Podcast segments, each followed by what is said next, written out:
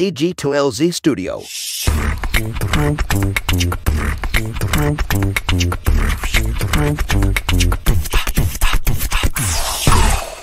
Selamat pagi, siang, sore, atau kapan pun waktu yang teman-teman pakai untuk mendengarkan podcast ini. Kembali lagi bersama saya Panji di podcast Ngobrol Bisnis. Yes.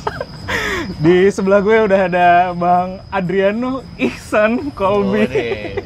Ihsan Kalbi ya. Betul. Dan mensayangkan saham masyarakat. Jadi kita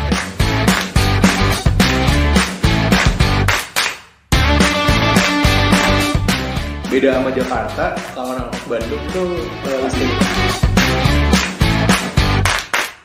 investasiin buat sekolah anak. Into something new gitu kupu-kupu mungkin ke Eh, ayahku tuh satpam gitu kan. Di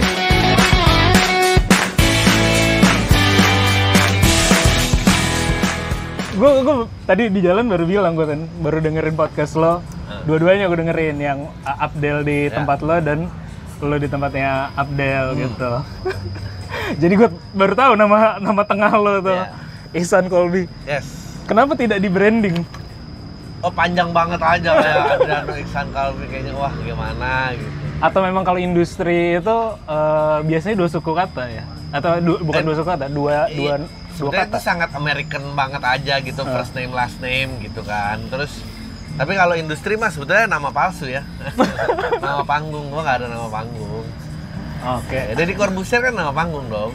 Nama aslinya siapa sih dia? Cahyadi dong. Jadi Cahyadi. Cahyadi. Corbuziernya ya. Corbuziernya itu nama stage name. Eh, Gading Martin. Martin kan nama panggung. Martin nama bapaknya tapi kan. Bukan nama bapaknya bukan Martin Oh, dong. Martin juga. Martin itu nama artis bapaknya yang akhirnya di-adopt jadi family name. Nama asli bukan. Oh, I see. Gue pernah by the way ketemu jadi jadi ini. Pernah ketemu Gading, Gading Martin. Ya. Dia tuh punya nenek entah nenek moyang atau buyut atau apa. Kuburannya di Bandung. Oh, mungkin ya. Kuburan-kuburan yang ini yang Belanda-Belanda itu loh. Eh, kan ada di Jakarta tuh daerah Kuningan yang khusus untuk Belanda. Gue ini Gading Martin bukan, tapi ngapain dia ke sini? Ternyata kuburan neneknya atau apa aja gitu. Ga- de- eh, Gading eh, Gading eh Gading Martin. Eh, siapa? Bapaknya siapa? Roy Martin. Roy Martin, salah satu yang mengorbitkan pertama Roy Martin itu om gua. Oh iya. Jadi kita punya relation panjang. I see.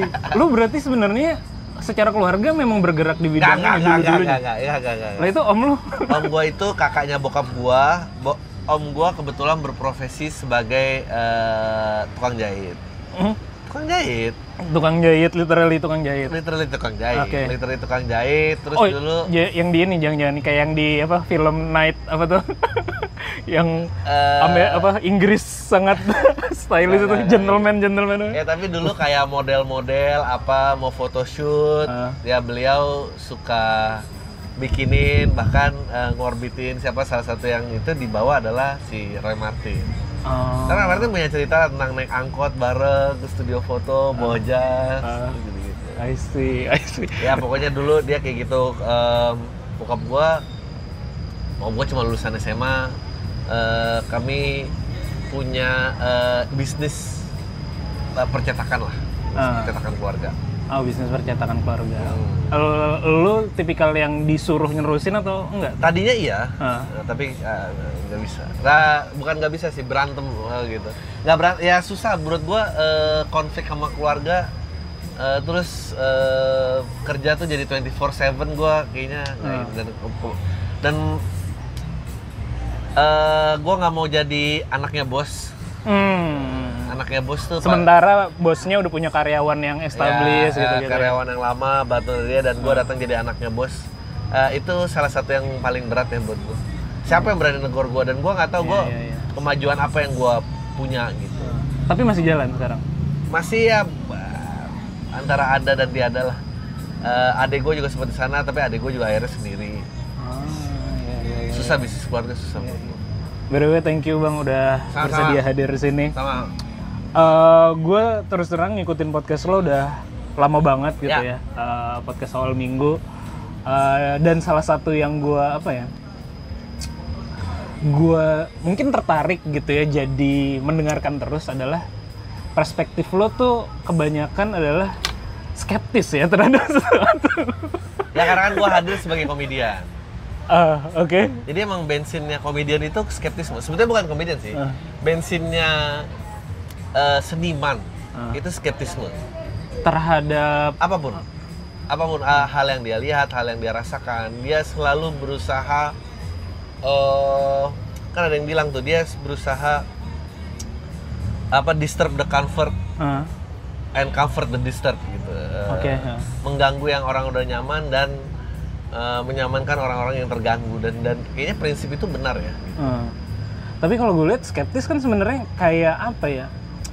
Kalau gue sendiri, gue sempet kayak dua bulan yang lalu lah diskusi sama orang, baru pertama kali ketemu juga, baru pertama kali ketemu, da- bukan untuk podcastan tapi eh, untuk ngobrolin bisnis, dan gue diserang banget sama dia. Dan menurut menurut dia, gue terlalu skeptis terhadap eh, suatu dia tuh investment lah, dia investment Ya. company gitu, dia punya program akselerasi dan segala macam. Terus gue bilang, ah uh, tai lah uh, akselerasi gitu. Nggak ada. Contoh, contoh startup Indonesia yang sukses di, dari- berangkat dari inkubator atau akselerasi. Gue gue Iya. gue counter ke dia gitu. Terus dia bilang wah gue beda dan segala macam.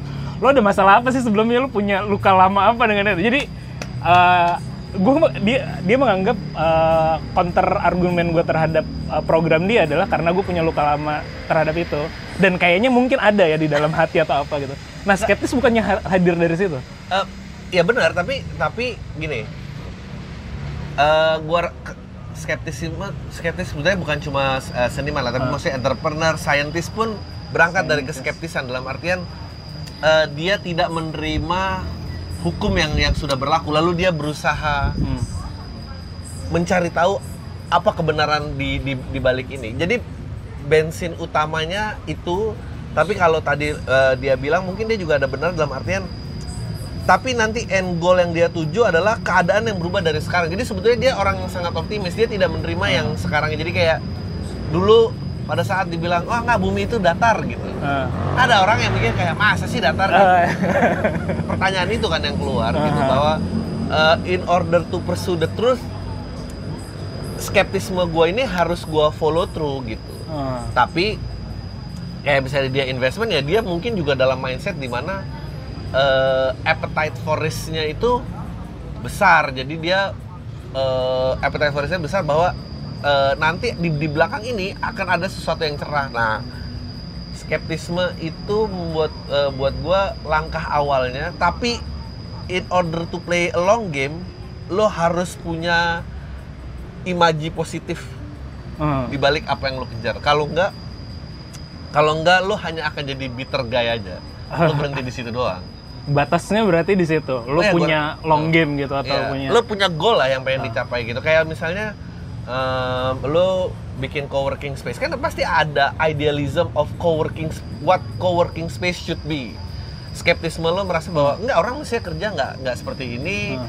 gua berusaha over solution to become a, a- a- a better situation gitu. Hmm. tapi kan berangkatnya pasti lo kayaknya banyak ya orang-orang di sekitar sini yang Ah, ngapain dia kerja-kerja di kafe itu kan skeptisme gitu ah, iya, iya. Dan tapi kalau yang gue dengar dari lo itu lo terlalu apa ya? Bukan terlalu sih, banyak banget gitu ya. Dan, Ya, memang counter apa berangkatnya dari counter di situ ya dari. Jadi Adriano si komedian ini eh apa sangat gini, sangat sulit eh, buat gua.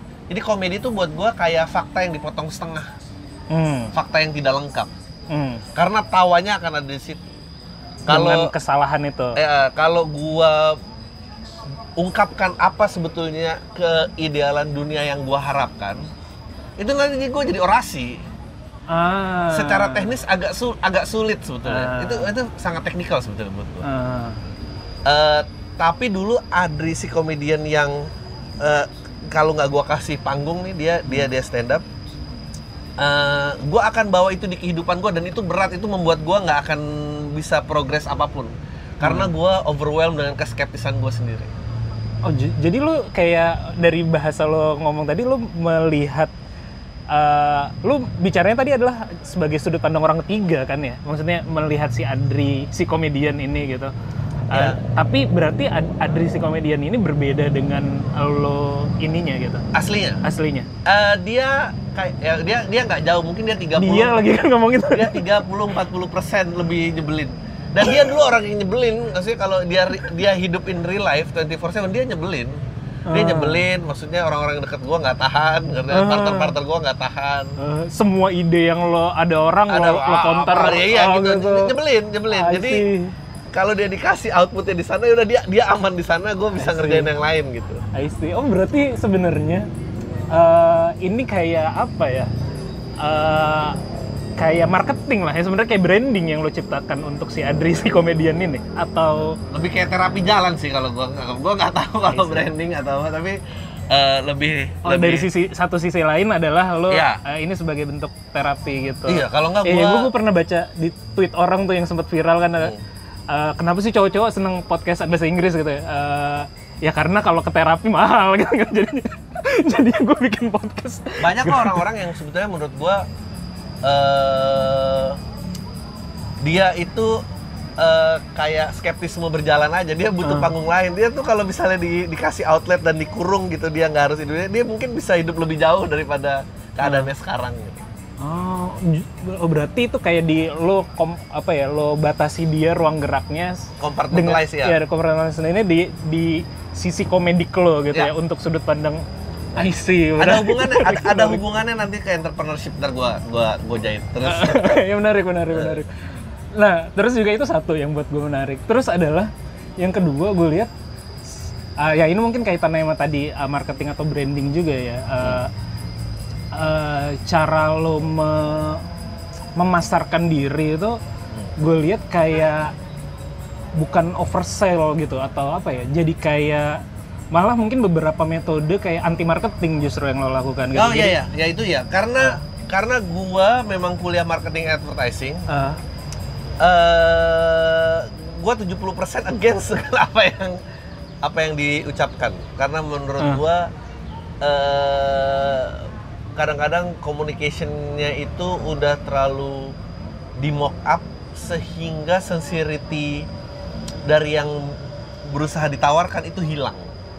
Hmm. Tapi itu kan sulit ya. Maksud gue, gue gue pernah melihat uh, cara lo uh, menceritakan uh, misalnya lo lagi promo show gitu. Ya. Nah, uh, kalau gue nangkepnya tuh banyak yang ini kayak satu kayak self deprecating atau misalnya Ya. lo ini tapi sebenarnya itu selling gitu. Itu adalah Ya. titik. uh, cuman kadang-kadang yang uh, ngajak ngomong tuh mengaminkan gitu. Nah, Ya. a- artinya kan uh, memang sulit nih membawa mekanisme anti marketing ini ke publik gitu. Bahkan orang mungkin yang lo lo ajak ngomong tuh jadinya oh lu jangan begitulah harusnya malah malah me- menguatkan gitu bukan bukan double bukan kebalik gitu. Nggak kayak gini, gue percaya gini.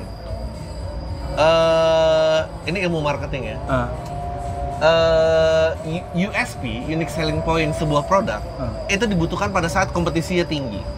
Oke. Meaning kalau ada 100 konsumen, lu terus lu jualan ayam goreng, Hmm.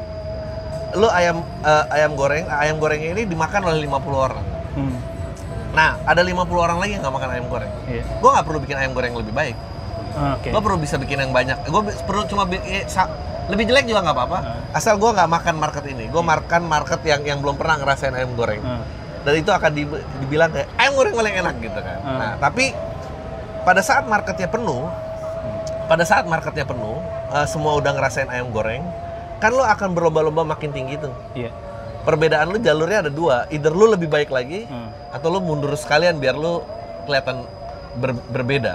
Hmm. Eh, kelihatan berbeda. Nah, gue merasa dalam misalnya dalam perstandapan, eh gue ingin mengejar orang-orang yang merasa bahwa eh, gimmick-gimmick marketing yang dianggap inspiratif banyak juga orang yang berpikir anjir ini sebetulnya katrok gitu. Nah, Iya, orang-orang itu kayaknya lebih buat gua ya untuk audiens gua Ah. lebih gampang di reach daripada gua move to uncharted territory yang gua nggak paham Ah. Lalu gua doing the same thing apa yang ada di sini dan kayaknya nggak cocok juga dengan personality gua Ah. ya misalnya eh, misalnya Panji deh paling gampang Panji Pragiwaksono ya. Iya Panji Pragiwaksono. Bukan Panji Prabowo. Iya, Panji Prabowo. Anjing, Panji Prabowo tuh gokil namanya. Tapi itu belum gue reveal di mana-mana tuh ngomong masalah Kenapa itu. lu gak Panji Prabowo? Apa? Enggak bukan maksudnya aku sempet cerita itu di Oh. gue pernah ngomong itu ke Panji Pragiwaksono sebenarnya tapi off, off record Goblok. lanjut lanjut lanjut Panji Ah, ya, Pragiwaksono misalnya Panji Nah. gitu. Eh, dia sangat uh, Iya. straight marketing lah ya kalau mungkin ada istilah itu ya gue gue percaya back steal and borrow jadi gue gue pengen juga curi gitu jadi Ah. siapa pun yang pernah misalnya ada Panji ada Radit ada ada Coki Pardede ada Tretan Muslim ada apa buat gue berbeda di tengah-tengah apa yang sudah mereka lakukan buat gue lebih mudah dibanding gue move eh, bikin dengan cara yang sama. Eh, bikin bikin yang baru gitu. Hmm. dan kayaknya eh ya so far sih menarik eh, berhasil berhasil aja tapi gue juga punya problem lainnya. Pada saat the gue merasa eh, keselebritian gue tidak seperti yang lain therefore sangat susah eh, masuk ke ke market yang baru tapi kalau gue berada di tengah-tengah market ini gue bisa mencurinya lebih gampang. Nah problem gue berikutnya adalah pada saat gue punya basis yang pertama ini, Hmm. to stretch out further itu Jadi pasti problem. bakal banyak Iya. resistensi. Banyak lah resistensinya kayak oh ada sejak ML podcast sudah nggak ini lagi anjing loh. Gue nih mulai begini daripada ini gitu. gitu. It- it- itu problematik. Jadi seolah-olah mereka kayak kecewa. Hmm. Ah, dia sekarang makin komersil apa gini-gini. Hmm. Tapi itu itu itu itu journey semuanya journey banyak misalnya band atau brand atau apa itu itu banyak lah. iya kalau di uh, Misalnya iPhone gitu atau band apa gitu banyak. ya kalau teorinya kan kalau uh, crossing the chasm itu lo pada basicnya di early adapter Iya. lo yang tadi gitu ya ketika lo ini kan mass market market yang lebih gede ya tentu saja kebutuhannya mungkin yang di serve lebih lebih lebih general lah ya nggak nggak nggak hanya ke kerumunan yang kecil ini Contoh lah Iya. misalnya gini. gue manggil fans gue kolam tai. iya iya Contoh gitu kan semua kan semua di, dua orang di dunia entertainment kan bergerak kayak teman ini siapa Lisius apa Ah. kita apa Ah. gini ini ini ini ini. Itu kan pengetahuan marketingnya kan lebar kan banyak audiens kan. Hmm. Nah buat gua eh, kalau gua hadir bilang bahwa Eh, Adrilicious anjing itu ya adrenalin sus- eh, eh, itu anjing susah gue nggak tahu gue petanya di mana tapi gue tahu nih ada sekian ribu orang yang Ah. yang mengamini dengan cara ini tapi gue yakin ada beberapa orang yang menolak kayak anjing kenapa sih namanya kayak begini gitu ah I see dan pada saat gue bilang konten akhirnya kita jadi bercandaan Ah. karena again stand up comedy ko- komedi terutama eh, dia membutuhkan referensi yang sama Ah. kalau lu tidak mengenal referensi ini gue dibawa orang misalnya ke tempat yang nggak ada TV gitu Ah. misalnya kenapa lu manggil fans lu kolam tai sih kan Iya, jahat iya, banget iya, gitu iya, tapi iya. kalau gua ngomong sama orang-orang yang istilahnya terpapar dengan Sefrekuensi lah, entertainment, iya. entertainment Ah. gue bisa bikin make a joke bahwa anjing ini something silly loh gitu Iya iya iya iya. Iya tapi eh, tadi poin gue adalah sebenarnya itu sulit ya. Maksudnya sulit eh, bisa jadi bumerang bu- ya bisa jadi bu- Betul, bumerang betul. seperti itu. but then again produknya adalah komedi Ah iya iya iya. gue Soalnya nggak gue berusaha inspire people gue nggak berusaha eh, telling gua I'm the best Ah, Hmm. dan itu sangat berbahaya sangat berbahaya berpikir bahwa gua the best gitu Eh, ya tapi kan marketing bukan bukan sekedar eh, the bestnya tapi misalnya banyak eh, indikator-indikator lain yang bisa Iya, Iya, iya. tapi gua nggak ketemu lucunya. soalnya gue gue menganalogikan bukan menganalogikan ya mencari model uh, produk gitu ya umum Ah. yang yang uh, berhasil dengan anti marketing gitu ya dan ada. itu sedikit banget gitu maksudnya Bro, gak usah gitu. Gua aja udah mulai mendapatkan, eh Dri, ini brand mau tap in. Masa lu panggil kolam lu, masa fans lu kolam tai? Ini dia mau ngedressnya apa gitu. Ya kalau udah titiknya bentuk kayak gitu, gue pasti akan cari misalnya episode PAM gitu yang ada sponsornya. Pasti gue nggak nutup dengan tai lu semua. Enggak, gue nggak nutup gitu. Karena kebutuhannya itu. Tapi bedanya kan kalau makanya gue nggak tahu ya eh, telur sama ayam gitu. Tapi kalau gue nggak punya marketnya, brand mau tertarik nggak mau ke sini gitu. Ah, iya, iya. Dan kayaknya juga kalau ada brand yang mau masuk, gue mendingan nge-serve brand-brand yang juga paham gitu. Ah, jadi udah terseleksi duluan lah Ya, kalau misalnya meskipun bikin sulit buat diri sendiri sih sebetulnya. Gue gue pernah ngelihat ada Kalau ada apa lihat Nikita Mirzani dari IG Iya. IG posting aja bisa satu M satu bulan, berarti saya salah caranya gitu. ya tadi gue pernah lihat ada eh, tapi nggak nggak terlalu. Jadi kan kalau anti marketing itu bukan hanya sekedar kayak jokes Iya. apa eh, lucu aja gitu. Ada salah satu contoh yang populer adalah iklannya LeBron James dengan Sprite itu ya. Iya. itu kan anti marketing tuh. Jadi dia nge nge melec bukan ya nge, nge, nge- ngebercandain eh, kalau iklan Sprite tuh biasanya diminum kan. Gue nggak mau minum Sprite nih terus dia ada uh, shoot uh, kalaupun influencer influencer ini pada ngefoto ngeminum gue nggak akan minum. Kalaupun uh, ada musisi uh, bikin theme song tentang ini gue nggak akan minum. Eh, jadi jadi tapi tricky gitu tricky. Uh, dan kita mesti tahu itu jokes. Uh, kita mesti tahu banyak indikatornya gitu. Ya kan lo harus paham referensinya. iya harus Lo paham harus, berarti lo harus paham referensi iklan kan, that's what you're saying. iya kan? iya iya. Sama aja kayak Head and Shoulders waktu bareng eh, Head and Shoulders, susah banget sih ini sebut siapa sih? iya iya iya si Ada atlet judo itu. Ah, ah, artis itu ya Ya, maksudnya- Ah, film Uh, but then again, Ah. uh, yang berbasis referensi buat gua lebih mudah di, Di reach. komedikan. Oh, Nggak, dikomedikan. lebih mudah Ah. dikomedikan. Karena produknya komedi. Eh, iya, Ra- Radit juga pernah tuh bikin yang kayak apa laptop kayak gitu-gitu tuh eh, syuting ya mirip-mirip kayak si ini eh, Head and Shoulder itu. Tapi ya itu sangat sangat sedikit Iya, lu akan kerjanya eh, rumit untuk melebarkan ininya gitu. dan, dan semua brand tuh pretentious, nggak ada yang mau. Yo, kita nggak mau loh mas nggak kelihatan ini gitu. Ah, dia dia belum nyampe di maturity itu. Gitu. Ah. mungkin kayak kayak Gojek gitu mungkin bisa ya. Bisa, kayaknya cukup Gojek cukup, bisa. eh, cukup ini ya. Cuma brand-brand yang udah nggak insecure ya. Kayak Ni- Nike dulu Ah. juga ada campaign dulu uh, dipakai pas brand ambassadornya Charles Barkley uh, pindah eh, terus LeBron juga bikin lagi uh, campaignnya I'm not a role model. Ah, Karena Menarik ada ya, an- ada beberapa ambasador yang tidak tidak cocok. Maksudnya kalau Jordan about hard work dan ketulusan dan kecintaannya terhadap game, Barkley nggak cocok. Barkley kerjanya bikin onar di di apa lapangan. Ya? La- lalu apa strategi yang cocok dengan dia? Ya mengamini itu bilang bahwa I'm not a role model. Ya gue dibayar buat jagain ring gua kok. Iya, iya, iya. Jadi kalau lo mau lewat gak jadi. Jadi tapi underlayernya bahwa oh dia he's still a great basketball player gitu. Sih. Iya, iya. Dan gua eh, lebih drawn sama hal-hal seperti itu. Nah tapi tadi kan uh, kalau kalau gue lihat ya, misalnya di interview Sepa waktu itu ya, gue gue sempet uh, ini uh, strategi lo gimana? Jadi misalnya orangnya ternyata ini ya, orangnya mengamini gitu loh. Jadi bukan bukan uh, ngebalik gitu ya. Misalnya, oh iya nih gue show gue begini lo kan style gitu kan. Ah ya nggak nggak ini ini banget lah atau apa gitu.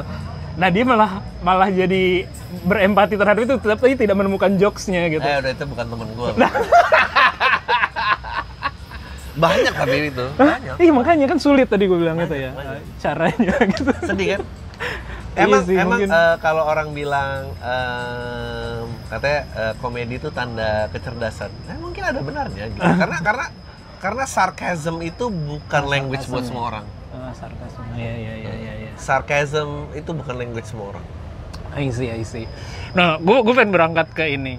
Uh, mungkin udah banyak yang nanya masalah uh, uh, why-nya lo pindah ke uh, stand up ya. Hmm. Tadinya lo bekerja di agensi, lalu Ya. lo males jadi uh, nulis untuk orang lain, lo mau Ya. nulis untuk diri sendiri gitu. Uh, cuman gue pengen menyoroti how-nya, yaitu proses lo uh, dari tadinya adalah employee Hmm. ketika ke stand up komedi kan jadi self employee ini Hmm. lo manage uh, diri lo sendiri uh, Itu berat entrepreneur. uh, nah, uh, berikutnya adalah uh, ke business owner gitu kalau kita ngomongin uh, klasik theoretical quadrant itu gitu kan dari employee lo ke self employee lalu nanti ke entrepreneurship gitu atau uh, business owner gitu Ini kenapa gua Ah. mau di interview? Karena pertanyaannya lain. Terus eh, Iya, nah, nah eh, iya apa tuh yang terjadi? Maksudnya eh, satu kestabilan misalnya eh, remeh-temeh masalah kestabilan lo tiap bulan tadinya dari employee dapat pendapatan yang stabil gitu. Lo convert ke self employee yang lo harus gue pernah denger interviewnya Mo Sidik ya. Eh, dia tuh dia gue nggak tahu apakah dia pernah uh, employee atau enggak tapi ketika salah satu yang menarik buat gue dari sisi bisnisnya adalah ketika dia full hanya sekedar sebagai stand up, stand up comedian dia reach out ke klien kayak gue setiap bulan tuh ngirim seribu email dia bilang gue sebenarnya ke- perlu empat kerjaan doang sebulan untuk memenuhi hidup gua." dia, dia dia cerita gitu di interview itu gitu dan dia nge-reach out uh, seribu orang artinya dapat 0,4% dari Ya. audiens yang dia reach out aja jadi deal gitu udah cukup buat hidup jadi dia melakukan itu gitu nah apakah lo ada di fase yang seperti itu juga gitu untuk menjaga kestabilan tadi itu atau Bagus. gimana? Eh, ka- kalau alasan-alasan yang gue sebutkan tuh sok-sok psychological banget gitu kayak sangat dalam dan dan pursuit of happiness and iya, what iya. not gitu lah. Uh, Eh, yang itu juga tergantung audiens ya berarti lo jawab seperti itu iya. Gue ngomong kayak ngerti aja lah. ada ya oke oke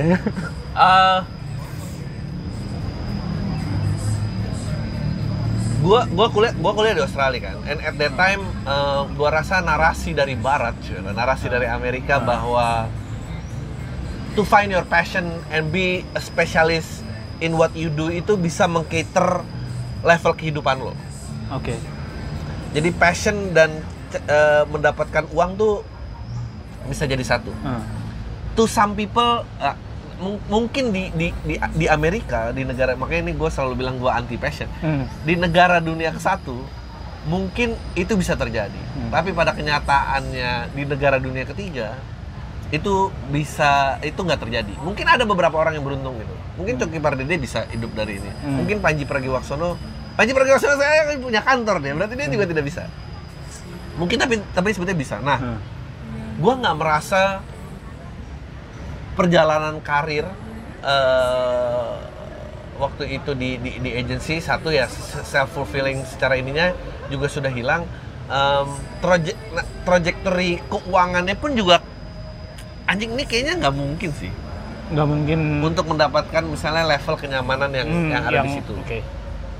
Eh, tapi gue sebetulnya tidak pernah fully self employed gue Fully, oke. selalu mengerjakan dua hal dalam satu Waktu. waktu gitu Oh. habis itu gue eh, 2012 gue cabut terus gue main-main lah stand up apa membuka network ketemu Angga Hmm. ketemu eh, Panji gue jadi di radio apa dan segala macam dan pada Hmm. saat habis itu gue sempat punya TV series gue lihat oh kayak trajectory gue di dunia entertainment kayaknya memungkinkan Hmm. and then kontrak itu quickly disappear gue balik lagi ke agency oh lo sempet balik lagi balik juga? lagi ke agency Eh, 2012 gue rasa gue balik ke agency itu 2013 14 gitu Hmm. lanjut lagi di agency sampai 2014 while masih eh, berstand up terus gitu Hmm. karena nggak mungkin nih gue makan dari sini doang gitu Hmm. balik aja sih eh, abis itu 2017 Angga nelpon ayo kita setup eh, yang namanya Visinema Content waktu itu Hmm.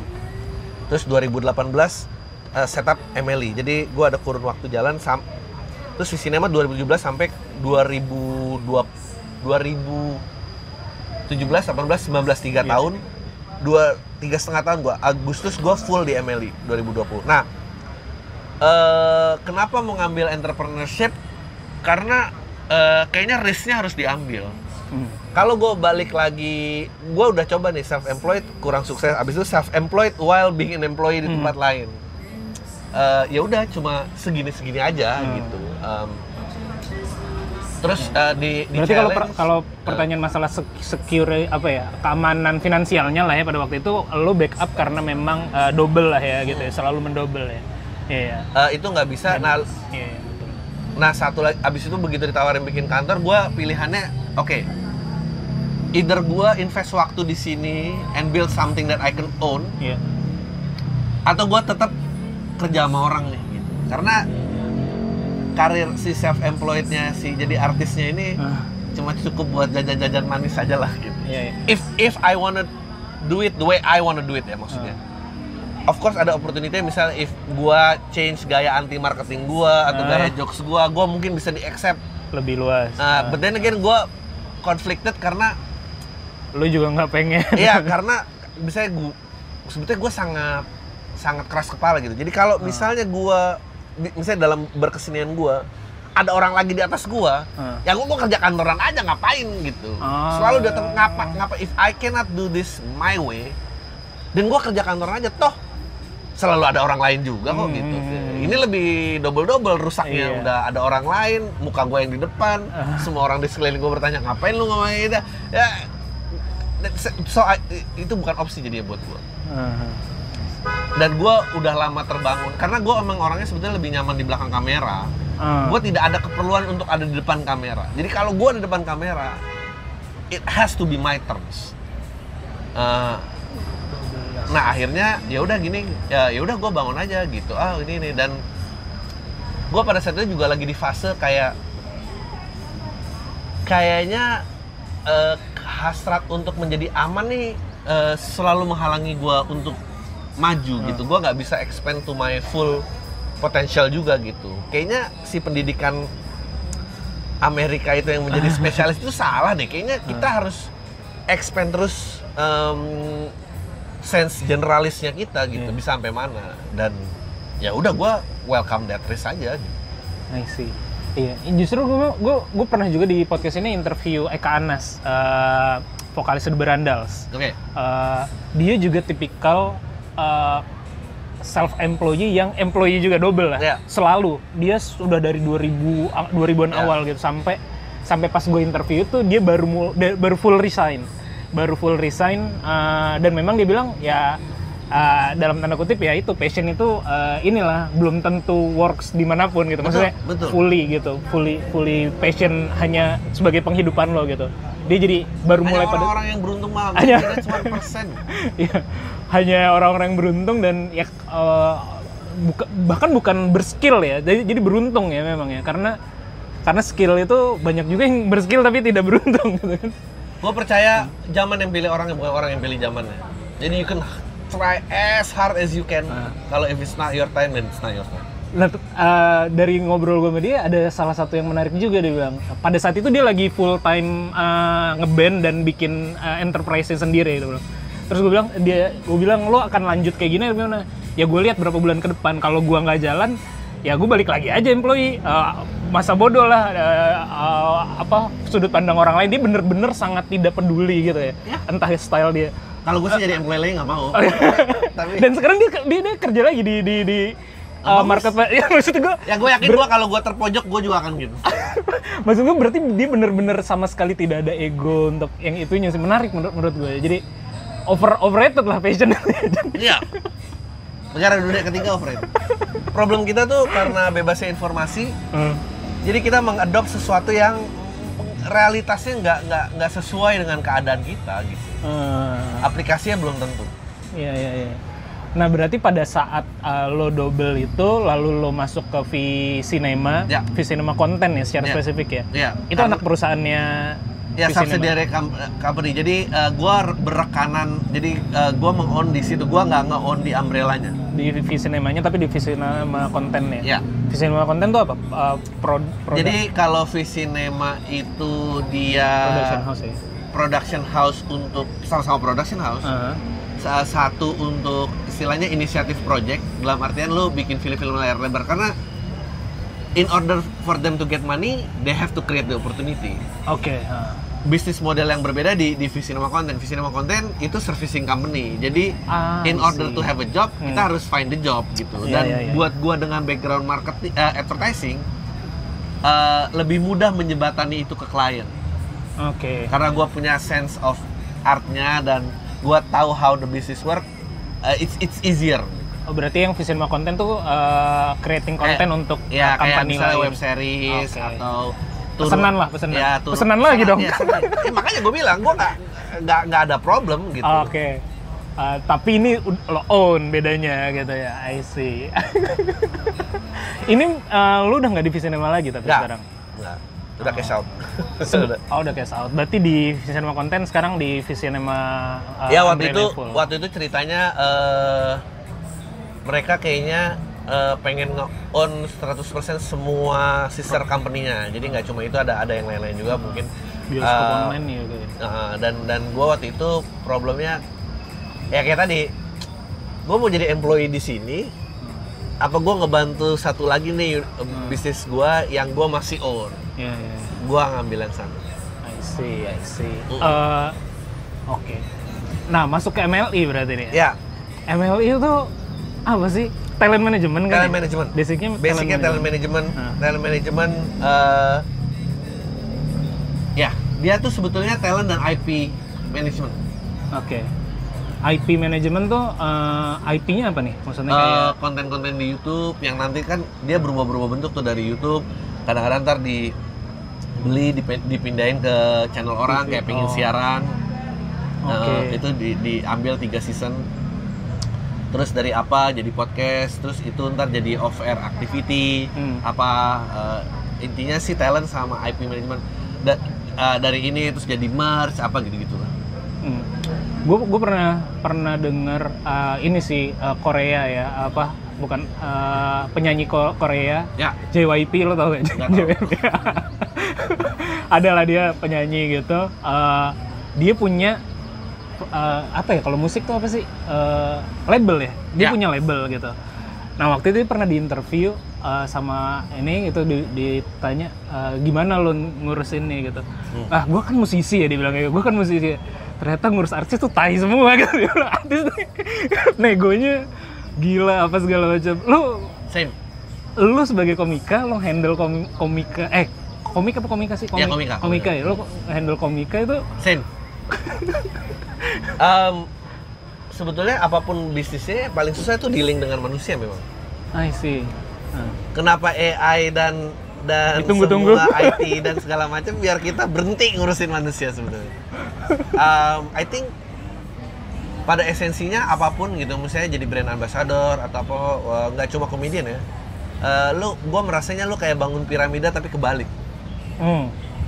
Jadi batu bawah lu sentil, duduk semua ambruk. Eh, gitu kan kan kita kita misalnya ngedevelop talent gitu kan semua biar bisa di riding terus kan iya.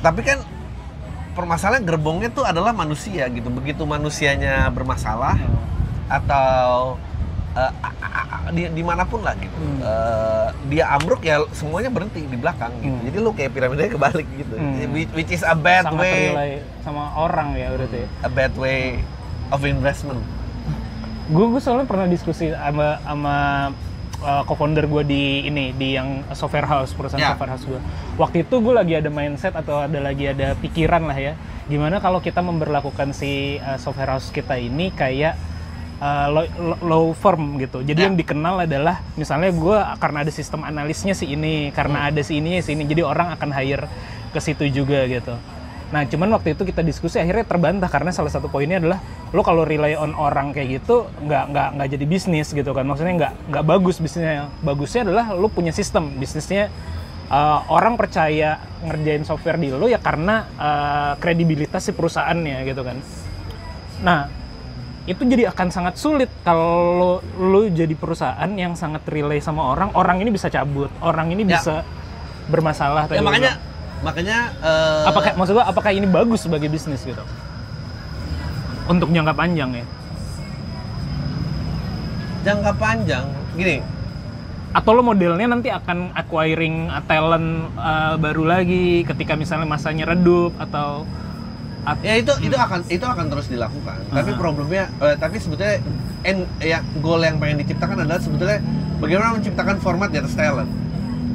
Format di atas talent Nah, jadi contoh misalnya eh, kita punya IP, eh, IP itu kan format ya, maksudnya Hmm. eh, IP itu kan eh, karakter, story dan format. Misalnya musuh masyarakat, Hmm. Coki ketangkep nih, Hmm. gue bisa replace. oke ya Tapi musuh masyarakatnya can live on. Eh, jadi IP-nya hidup terus. Hmm. Eh, jadi pada saat. IP, IP kayak, kita nyiptain brand, jadi pada saat brandnya jalan, siapa pun yang akan ada di situ, Nah, eh, dia akan mem- membuat eh, ya jadi lokomotifnya tuh IP-nya bukan manusianya. nah, I- idealnya kayak gitu. nah. Em, dan, dan dan dan band pun juga udah mulai banyak yang melakukan itu. Misalnya Earth, Wind and Fire. Earth, Wind and Fire itu original bandnya udah nggak ada yang, iya udah nggak ada yang tour. Nah, Tapi brandnya brandnya ja- ja- jalan terus di, di, di ditaruh orang-orang lain yang pakai lagu-lagu Earth Wind Fire. Nah original makernya mereka hanya produce album dan jalan lagi. Jadi member dan touring member tuh berbeda. Jadi biar IP-nya tuh longevity-nya tuh eh, ada terus gitu. Karena gimana pun juga nanti ntar ya kayak lu bilang ada ada tua, ada masa redup, ada udah nggak diminati lagi. Eh, lalu bagaimana pertanyaannya biar ini tetap hidup? gitu. Hmm. Iya soalnya kalau kalau dalam konteks musik misalnya eh, IP musik itu kan misalnya atau band tadi ya kan lagunya kan Eh, misalnya kalau di komik atau di stand up comedian itu adalah misalnya turnya lalu lo taruh di digital. Ah, kalau tour agak sulit. Eh, eh, Makanya lo harus, lo harus eh, ciptain format-formatnya kayak podcast Oke. kah, atau konten YouTube kah, yang nanti buk, eh, t- tadi maksud gue bukan tur tapi apa sih namanya eh, spesialnya gitu ya. Ya. Itu juga sulit. itu sulit. Kalau spesial Oh. dia sangat tight dengan artis. Eh, Kalau- bu- bukan maksud gua eh, ketika misalnya in the future sudah tidak terlalu terkenal lagi atau misalnya dia udah nggak di brand eh, nggak di MLI gitu tapi eh, yang own the spesialnya adalah ada persenan misalnya ada MLI-nya ada persenan itu yang bisa tetap dimonetize terus-terusan juga. kalau nggak gini, kalau kalau special show Hmm. itu sangat tight in ke ke Orangnya. ke orangnya. Jadi dia Ah. dia sangat sulit di slice. Ah. Tapi kalau kita bikin format acara, makanya lo harus balik ke ke IP. gitu. Formatnya ya. Format acara. Jadi IP itu isinya sekarang yang udah dikukuhkan itu adalah karakter, cerita Hmm. dan format. Karakter Kalau dia kalau dia kita bikin format, format ini bisa jalan. Hmm. Kalau dia si penampil, penampilnya bikin karakter, misalnya dia tidak tampil sebagai diri sendiri Iya, gitu. ah. Misalnya si Panji bikin Herman, itu karakter tuh. Ah, nanti siapa pun bisa Siapa bisa mainin Herman gitu. Tapi kalau apa yang keluar dari mulut gua, Ah, itu itu itu sangat sulit, itu kayak lukisan. oke Kalau band uh, ada lagu, lagu tuh cerita dan dan dan dan, dan format jadi satu tuh.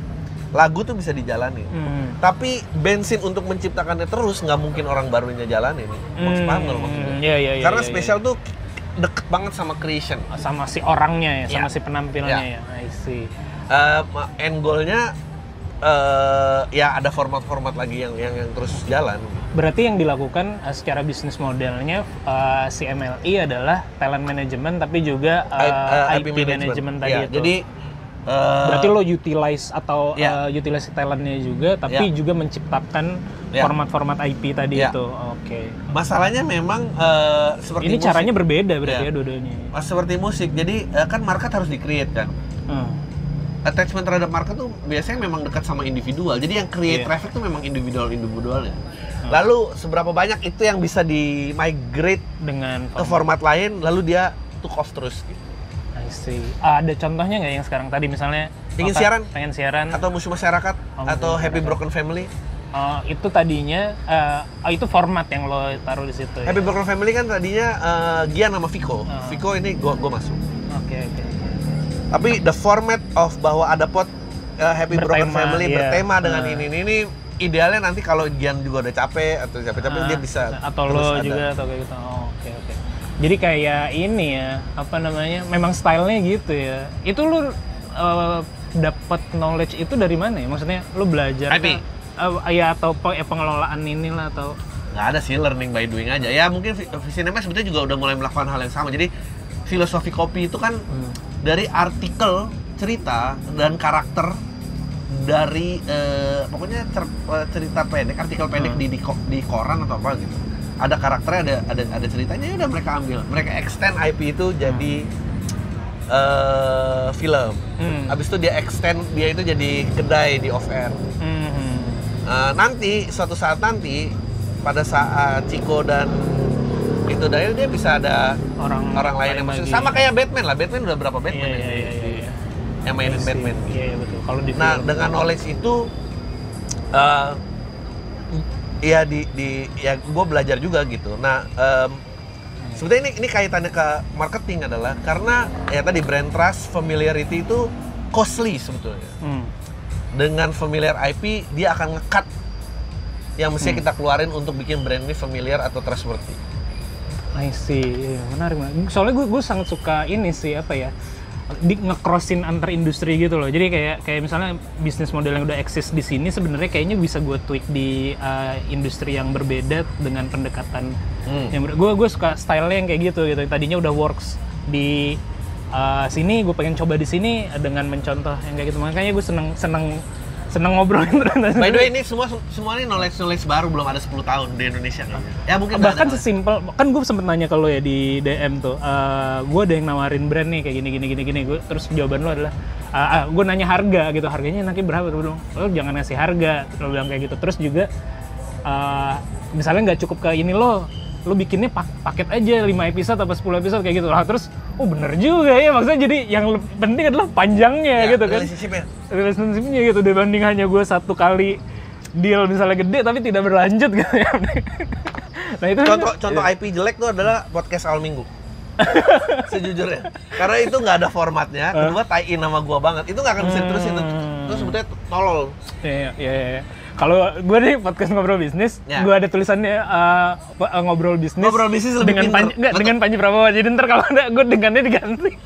Kan idealnya kayak gitu, kayak Tonight Show, uh, gua udah berapa, berapa ganti, berapa host kan. Uh, ah iya iya iya betul betul betul. I Lu harus see. create formatnya di atas artisnya. Oke, gue balik lagi ke MLI-nya. Uh, kalau talent management itu uh, lo develop talent juga nggak? Atau lo tadi utilizing uh, yang sudah Ya ada yang di berhasil? develop, ada yang gabung emang udah jadi gitu-gitu ada juga Be- beda-beda. Tapi dalam keberjalanannya untuk misalnya uh, biar lebih baik lagi kah atau misalnya apa gitu ada program seperti itu nggak atau Ya program ada, jadi kayak kita ketemu ada yang masih raw banget tapi kita bisa lihat potensinya. Kita coba kita coba soalnya kalau IP mapping. kan di develop tuh berarti Ya. lo kan akan ngobrol dengan talentnya juga apa segala macam kita akan mapping dia mana di mana cocoknya dia bisa memang ini kayak eh, ada juga yang datang memang kayak oke dia udah punya captive market kita Hmm. kita bisa expand ini lebih gede lagi gitu. I see, I see. Menarik, Tergantung sih, tergantung tergantung eh situasinya. Soalnya gue juga lagi mau ya, lagi lagi ada berkeinginan di kepala, tapi bikin untuk yang ya podcastan eh, receh-receh lah, yang kecil-kecil lah ya gitu. Karena eh, ada temen gue juga yang kerjanya di industri animasi gitu, dia butuh talent eh, eh, suara kan. Terus gue udah gue ada stu- pengen bikin studio podcast juga, gimana kalau kita joinin nih, tapi ada talent developmentnya juga gitu. Jadi pengen pengen tahu juga. Gue juga dengar uh, obrolan lo dengan Panji Pragiwaksono dan Coki di channelnya Panji. ya. Ya. Uh, dan rame banget masalah ngomongin Coki ya pada waktu itu. Hmm. Uh, di mana uh, salah satu yang gue tangkap menarik adalah uh, di point out sama si Panji bahwa lo sebenarnya nggak secara bisnis wise tidak terlalu uh, urgent atau tidak terlalu uh, penting untuk maintain si Coki sebegini baiknya gitu ya. Maksudnya Oke. uh, dalam konteks ya di waktu itu kan Ya, dia dia, ya. point out seperti itu gitu. Karena bisnis wise ya lo mendingan cari yang lain daripada kalau misalnya kalau si Panji pragmatis oh kalau ini ada talent gue gini gue cari talent yang lain aja gitu. Pandangan lo terkait itu gimana tuh? Eh, apakah apakah nilai-nilai luhur yang kemarin diceritakan? Kekeluargaan sayang apa segala macam apakah ada itunya kuat juga gitu em, ya pastinya ada ya maksudnya Hmm. susahnya talent management tuh it becomes mungkin lebih family oriented than and then any other business gitu. Hmm. Um, jadi it's it's not about uh, numbers doang gitu. Ya pertama yang pasti Cokia dan Muslim eh jadi ML itu di own enam orang. Patrick, gua, Joshua, Coki, Muslim, Gian. Oke. Uh, abis itu ada investor. tapi lebih banyak di konten apa sih dia bikin tulis-tulisan gitu ya? Eh, bukan ya? nggak tahu. Oh, enggak ya? Ya apa Ah, apa dia ada, punya ada, ada sendiri. Oke, oke. ah. Terus jadi 6 itu. Oke. Nah, ada enam dan ada apa eh, ada investornya. Oke. Eh, pertama itu, jadi eh, dia bukan cuma talent, Oke. dia eh, direct eh, BOD gitu, of directors. Nah, itu satu. Kedua, eh, ya kayak tadi pengendali traffic yang bermuara di Cok itu besar, besar. Meskipun gue yakin kalau sekarang sekarang nih nanti dia gagal itu udah habis. Ini last chance Hmm. dia. Oh, Either dia pull through atau dia nggak pull through. Kalau dia nggak pull through ya em, ya ya sudah gitu. Hmm. Karena salesnya Coki Tour itu bombastis banget, Hmm. jauh. Gua ngerasa kayak wah ya gua nih yang paling ini. Hmm. Begitu lihat Coki anjing nggak ada apa-apanya. Em, eh, itu sih eh, kalau lu tanya ya. Hmm. Berarti sebenarnya ada satu potensi revenue-nya juga. Yang kedua adalah karena dia bagian of the part of Ya, the timnya juga ya, gitu, ya. founding timnya Ya. juga ya. Gua rasa kalau di misalnya di cut gitu ya gua sama Coki akan jadi tetap bersaudara gitu temenan ya gua tolongin apa gini gini gini Hmm. tapi gua rasa eh, aspek bisnisnya masih outweigh the personal ininya Hmm, I see, I see. Menarik. Ini apa ya? Istilahnya gue juga lupa tuh. Eh, Britney Spears itu lo tau nggak? Eh, istilahnya apa ya? Yang dia di handle sama si orang Bapaknya, tuanya, oh. ya kayak gitu. Terus juga ada film I Care A Lot tuh tau nggak? Iya, iya. Film di Netflix gitu. Yang eh, si orangnya bisa diambil alih. Kalau di Amerika, ya gue nggak tahu di Indonesia ada aturan kayak gitu. Diambil alih seluruh aspek. eh, gua rasa gua, gua rasa kalau in case of Britney Spears Ah. yang mungkin orang nggak pernah mau lihat apa ya? gua rasa sebetulnya dia punya hutang yang banyak yang dia jeopardize pada Ah. saat mestinya dia waktu itu karirnya masih terus naik Oke, nah. dan bapaknya itu bertanggung jawab ya lo ngomongin personal aspeknya Britney doang ini utang siapa yang mau bayar gitu Ah. emang lu pikir gua nggak gua sih nggak percaya bapaknya mau ngon- banget. Ah, Ah. itu pasti ada aspek finansialnya di belakang Oh, I mungkin sponsor yang ke- kecewa apa ini ini ini yang yang ya udah kalau emang ini bisa dilunasin atau bahkan kita masih bisa bounce back dari ini ya orang ini harus bisa di di dikontrol gitu dikendalikan gitu. Hmm. dan kejam-kejam lagi maksudnya itu baru Britney maksudnya yang kayak Hmm. Korea atau Jepang gitu yang yang Sadis-sadis yang ya. lain itu kayak oh, lu nggak boleh ketahuan pacaran lu nggak boleh Iya, iya. hamil lu nggak boleh apa jadi eh memang aspek Industri. bisnisnya tuh mengurangi kemanusiaannya orang, gitu Iya. Iya. Ah, iya. Gue gue belum nanya terkait cuman maksudnya memungkinkan nggak? Ah, bukan memungkinkan ya.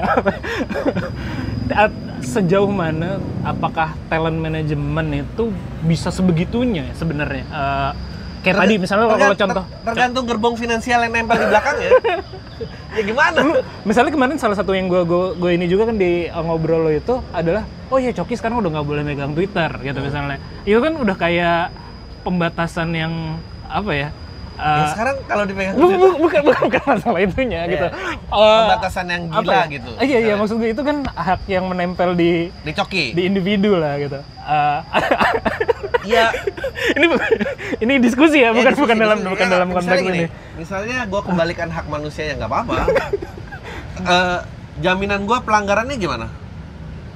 Ah, ah, ah, enggak ah, pertanyaan Misalnya gua- haknya gue balikin nih. ah, Lalu eh, dia jeopardizing bisnis gitu. Ah. Misalnya dia menciptakan suatu ulah lagi gitu. ah, Em, lalu pertanggungjawabannya gimana gitu? Maksudnya gue gue punya pegangan apa? Itu kan pasti nanti eh, masuk ke jalur yang lebih mengerikan. Maksudnya maksudnya jalur ke hukum gitu misalnya. I see.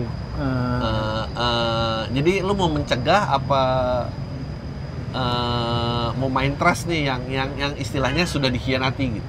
Hmm, I see. Jadi jadi sebenarnya Tapi kan kita nggak pukul itu di awal. Kalau Iya, yang iya, Korea-Korea iya. itu kan pukul di Iya, awal. Iya, lah. iya, iya. Dia pukul, di awal. ya. Bahkan juga uh, Dan gue yakin itu juga lebih dark lah banyak Ah. lebih de- gue yakin itu juga basisnya pengalaman. Ah, iya. Basisnya pengalaman Ah. pasti. Dia pernah ngejalanin Ada sesuatu yang failed. dan nggak works, Ah, nggak Ah. works. Makanya dibikin keluar. ya. limitasi. Oh, I see. Iya sih. Maksudnya jadi jadi gue Kalau kesepakatan antar antar personal mah ya possible possible aja kalau lu selama dia tanda tangan dan dia setuju ya apa pun yang membuat kesepakatannya bisa bisa aja. iya cuma cuma maksud gue uh, uh, bat, apa ya batasannya lah atau ya tadi misal ya kayak Korea memang kan banyak juga yang sudah terbuka gelapnya industri uh, apa boy band girl band di sana yang yang yang begitu begitu gitu. Ya kan lu ngambil orang nih. Ah. Orang ini bukan siapa-siapa. dan diinvest lu apa invest, segala lu macam, train, lu ya. apa gini. Hmm. Nah, nah, investment itu kan eh, debt kan sebetulnya. Oh, iya. Atau potensial revenue lah yang harus Iya, iya, create. iya. Nah, kalau dia melakukan move untuk menjeopardize ini gimana gitu? Iya sih. Atau nggak ya lu nggak ikut la- label? ya lu sendiri aja. Iya tapi iya jadi jadi ada ada pilihan seperti itu juga ya dan uh, sisi humanisnya tadi agak uh, karena ada deal-deal tersebut gitu ya. Gak usah itu. Gua kasih tahu yang lebih gelapnya lagi tentang entertainment. Uh, Semua industri itu melarang memperkerjakan anak. Tapi cuma satu industri yang Iya, memperbolehkan. uh, Entertainment. iya. Karena mungkin tipis-tipis kali kan memfasilitasi bakat. Iya, maka- tapi kan itu Memfasilitasi against human rights. Kenapa anak kecil jadi harus kerja? Ah, iya, iya sih. That's entertainment for you, man. itu uh, gue sempet nanya ini juga ke Panji ya dalam konteks kom- eh, Comika ya. Dia kan mau mengarah ke bikin platform. Nah, gue Ya. lihat MLI juga Ya. seperti itu gitu. Eh, memang lo ngelihat ada eh, ceruknya juga nih khusus untuk kayak streaming eh, online untuk penikmat komedi. Itu kan kurang lebih seperti itu ya yang yang lagi dikerjakan eh, kedua Gini, satu pertama adalah satu bisnis model talent management gua rasa udah reach peaknya. Hmm. So kalau lo mau ada ekspansi lebih besar lagi, lo harus ngarah ke tech. Oke. Itu itu the same thing happen juga dengan mana-mana, dengan, ya. dengan misalnya di sinema Iya, atau apa. iya. Eh, Lo lo harus ngarah ke tech karena itu ekspansi yang belum kelihatan limitnya. Itu Oke. pertama satu. Kedua eh, subscription model kayaknya anywhere around the world tuh semua mengarah Iya, iya, iya. ke sana. Jadi eh, kalau ditanya ceruknya sebetulnya is a very risky and slim ini. Hmm. But then again, ya ini lagi kembali. Pada saat lu skeptisan dan udah lu buang dan lu melihat keidealan dunia bisa ada di mana, Hmm. ya lu you have to pursue it. Hmm. I see, I see. Pokoknya it's always about i- antara eh, ada kemungkinan lain atau that's the only way to go. Jadi antara itu. Berarti sebenarnya uh, makanya tadi lo bilang akan point out masalah skeptis uh, skeptis ini di bisnis itu penting dimiliki oleh seorang entrepreneur ya. Jadi lo nge-challenge terus Iyalah. bisnis model lo iya, sendiri, iya. uh, nge-challenge terus Iya. lo revenue stream lo yang udah eksis seperti apa lo. Peradaban manusia Roma juga hancur karena semua udah comfortable. comfortable. Comfort itu yang bahaya lagi. Nah, nah ini mainan lo banget ya, lo masalah masalah peradaban hancur ya kayak gitu-gitu kan style, style. sebenarnya itu rumus komedi. itu rumus komedi. Itu namanya eh, small person in big world atau big person in small world. Oke. Jadi kayak gini, eh, lu lagi ngomongin kecil, eh, ternyata Roma juga udah jadi lucu. Jadi jarak itu yang bikin. I see, I see. Very mathematical approach sebetulnya kalau mau.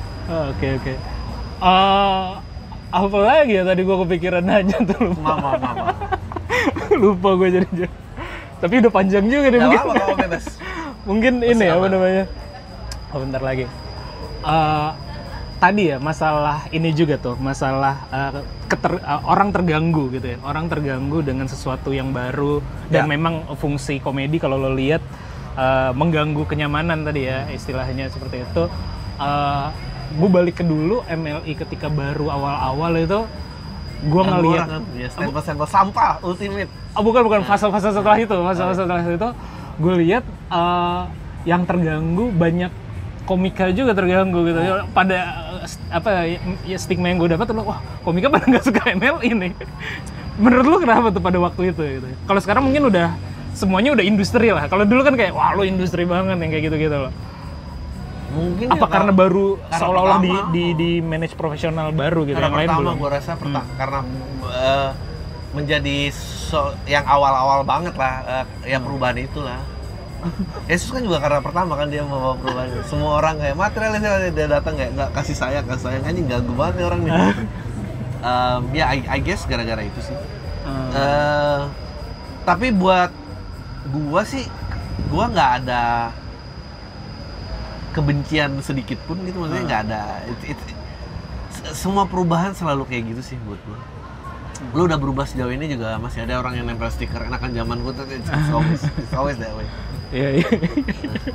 Dan sekarang ke depannya udah nggak ada hambatan-hambatan itu lah ya, udah ya ah ya selalu ada ada. aja maksudnya challenge challenge lain gitu maksudnya eh terutama yang sekarang paling besar adalah tech dan subscription ya maksudnya kayak Ah, wah iya, iya, iya. model subscription yang hancur tuh ah, banyak banget Gue juga gue juga menggeser bisnis makanya tadi gue bilang gue bikin produk eh, karena gue menggeser mem- memperpanjang ini adalah dengan subscription. Jadi orang bayar bulanan atau tahunan jadi lebih lebih menyenangkan buat bisnis juga sih sebenarnya. Eh, dan kayaknya works di kemarin kemarin laundry gue juga subscription kemarin gue kalau bayar baru segini kiloannya lebih murah aja gitu Oh, kemarin gue baru interview sama ada lo bukan lo ya, eh, cyber security inilah. Dia dia eh, orang Belanda, eh, orang Indonesia tinggal di Belanda bikin bisnis cyber security eh, audit. Ya.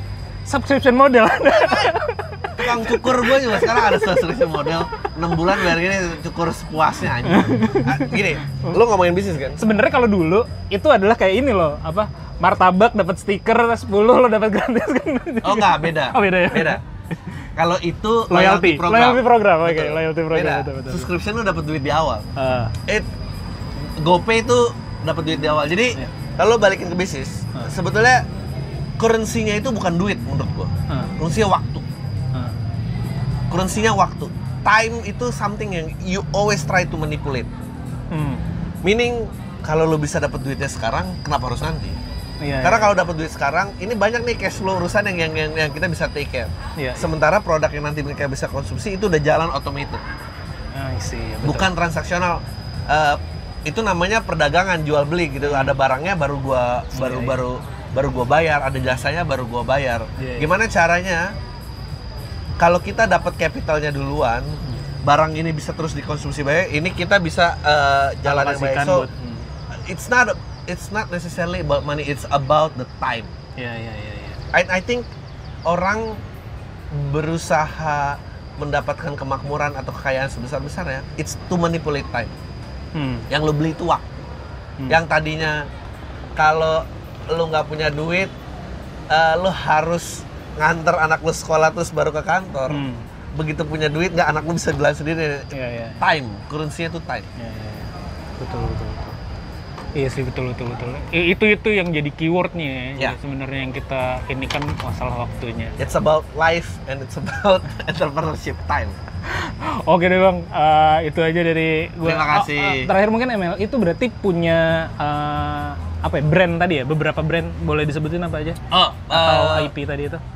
Eh gue liat Komtung juga di. Ya, eh sebetulnya itu, Itu kayak apa? jadi sebetulnya nama PT itu Jenaka Sumber Rezeki JSR. Oke. Emily itu prototype brand pertamanya. Oke.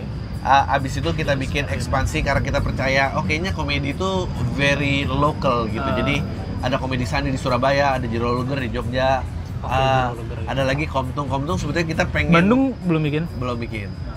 Eh, Komtung kita lebih pengen jadi eh, kayak outlet media gitu, biar dia nggak head to head ke ke Emily gitu. Jadi Ah. kayak MAP Group lah, terus ada Iya, beberapa iya, iya. brand. Nah dari ber- brand-brand Oh, gitu. ini melahirkan lagi IP-IP lagi yang berusaha kita manage. Parameter lo tuh eh, existing lalu lo akuisisi atau lo develop dari awal? Eh, Jiro beda, Jiro Luger eh, de- de- eh, develop dari awal. Ah, Jero Luger develop. Komsun eh, akuisisi. Komtung Komsun- ak- oh, Komedi Sandi, Eh, oke, ah. Komtung akuisisi. Oke. Brandnya Jadi ada. Iya. tergantung Iya, tergantung. tergantung. Ya tergantung aja nih permainannya Iya, gitu. iya. Kita ngelihatnya Bandung lah. Coba Banten. lirik nanti. Jawa Barat tuh sebetulnya menarik. Jawa Barat menarik. Oke bang, thank you ya. Terima kasih Atas banyak. waktunya. Eh, semoga obrolan kita ada manfaatnya. Terima kasih Bang Adri. Terima kasih yang udah dengerin sampai habis. Sampai ketemu lagi di podcast ngobrol bisnis episode selanjutnya. Bye.